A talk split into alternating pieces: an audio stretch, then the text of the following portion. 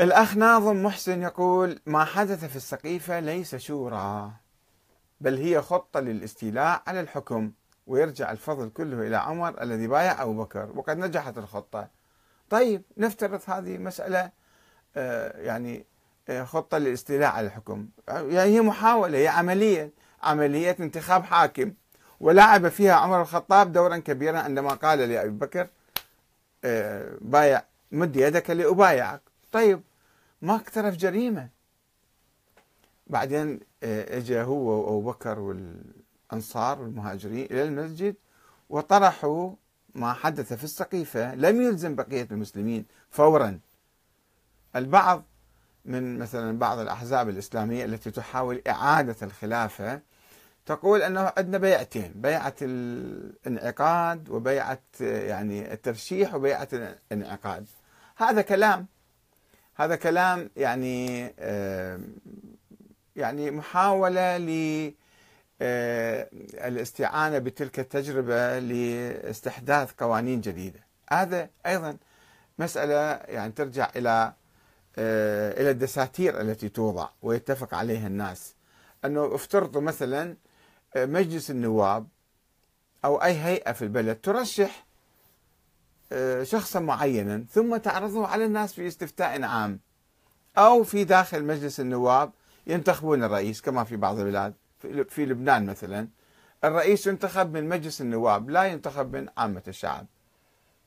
وهو نائب يشترط أن يكون نائب. غير نائب ما يحق له مثلا يجي من برا. في بعض البلاد لا الرئيس يأتي خارج مجلس النواب هو يقدم نفسه وينتخبون الناس ويصير رئيس. فكل هذه أمور تفصيلية.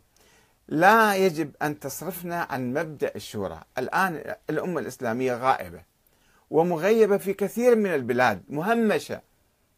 مهمشة وما لها دور وما لها حق أن تفكر في السياسة أن تسأل أن تناقش أن ترد أن تعارض أن تنتقد أن كذا أبدا في بعض البلاد. بعض البلاد لا فيها أنظمة شبه ديمقراطية أو ديمقراطية. وبعض البلاد تعيش ديكتاتورية مطلقة. هنا الأمة غائبة. الأمة يعني مغيبة تماما ومهمشة. فالمفروض أن تأتي هي تستلم أمورها بأيديها. مو يجي واحد طفل واحد هرم عجوز مثلا ويريد يقودها وهو غير قادر. قدراته العقلية غير كفؤة غير صالحة. آه، يعني منتهية منتهية الصلاحية. أو شاب غر جاهل لا يعلم شيء بالسياسة لا يعلم شيء أو عنده أهواء شيطانية يبيع البلاد مثلا ب بأي سعر حتى هو يبقى بالسلطة أو حتى يجي للسلطة مثلا. يشوف القوى العالمية التي تلعب دور في بلاده وممكن تأيده أو تدعمه يقول أنا عبد لكم أنا مستعد أبيع لكم أي شيء تردون بعض الملوك عندنا أصبحوا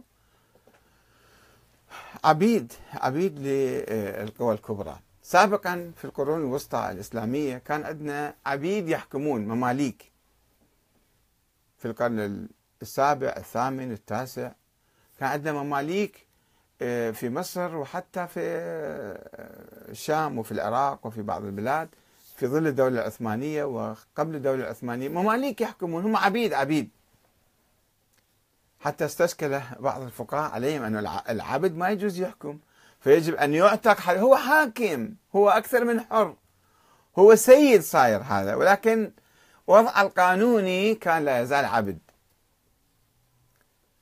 وكانوا يحكمون السلطة كلها بيديهم. والأمة كانت مهمشة. ولكن أولئك الحكام العبيد كانوا أحرار. كانوا أسياد فعلا. ولكن عندنا الآن ملوك اسمه ملك وعنده مظاهر الملك. والفخفخة والعظمة ولكنه في حقيقته عبد لهذه الدولة الكبرى أو تلك حتى آه، تجيبه وتحطه وتدعمه وتحافظ على أمنه وكذا فيكون عبدا مطيعا لها. مستعد يعطي كل ثروات البلد لها ممكن يستعد أن يقوم بأي مغامرة من أجلها وخدمة لمصالحها. يقاتل هنا يحارب هناك يعمل فتن هنا. يفجر الأمة الإسلامية هناك يمزق الأمة ليس مهم من ذلك. إنما هو عبد الكرسي عبد السلطة عبد الدول الكبرى. الأمة مهمشة.